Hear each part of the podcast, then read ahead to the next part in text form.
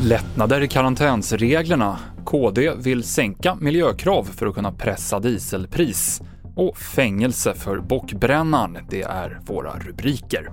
Tiden man ska sitta i karantän när man själv eller en familjemedlem är smittad med covid sänks nu från 7 till 5 dagar. Och har man tagit sin tredje dos eller haft covid de senaste tre månaderna och är symptomfri så kan man gå till jobbet även om någon i hushållet är smittad. Det berättade Folkhälsomyndigheten idag. Smittspridningen är så hög att en stor del av befolkningen riskerar att smittas i närtid. Testkapaciteten har slagit i taket och nu behöver den som fått ett positivt svar på ett hemtest inte ta ett PCR-test. Enbart personer med, som vars arbete kräver fysisk närvaro eller elever i grund och gymnasieskolan ska testa sig vid symptom.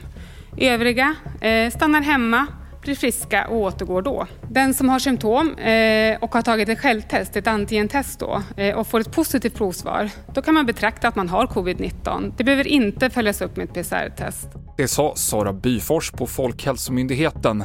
Mer om de nya reglerna och rekommendationerna när det gäller testning och karantän på tv4.se. Ytterligare sex dödsfall bland personer som smittats av covid-19 har rapporterats. Totalt har nu 15 631 svenskar avlidit under pandemin med bekräftad covid-19. Kristdemokraterna vill få ner dieselpriset med 3 kronor. I början av veckan så låg priset strax under 21 kronor litern och det nådde en ny rekordnivå idag.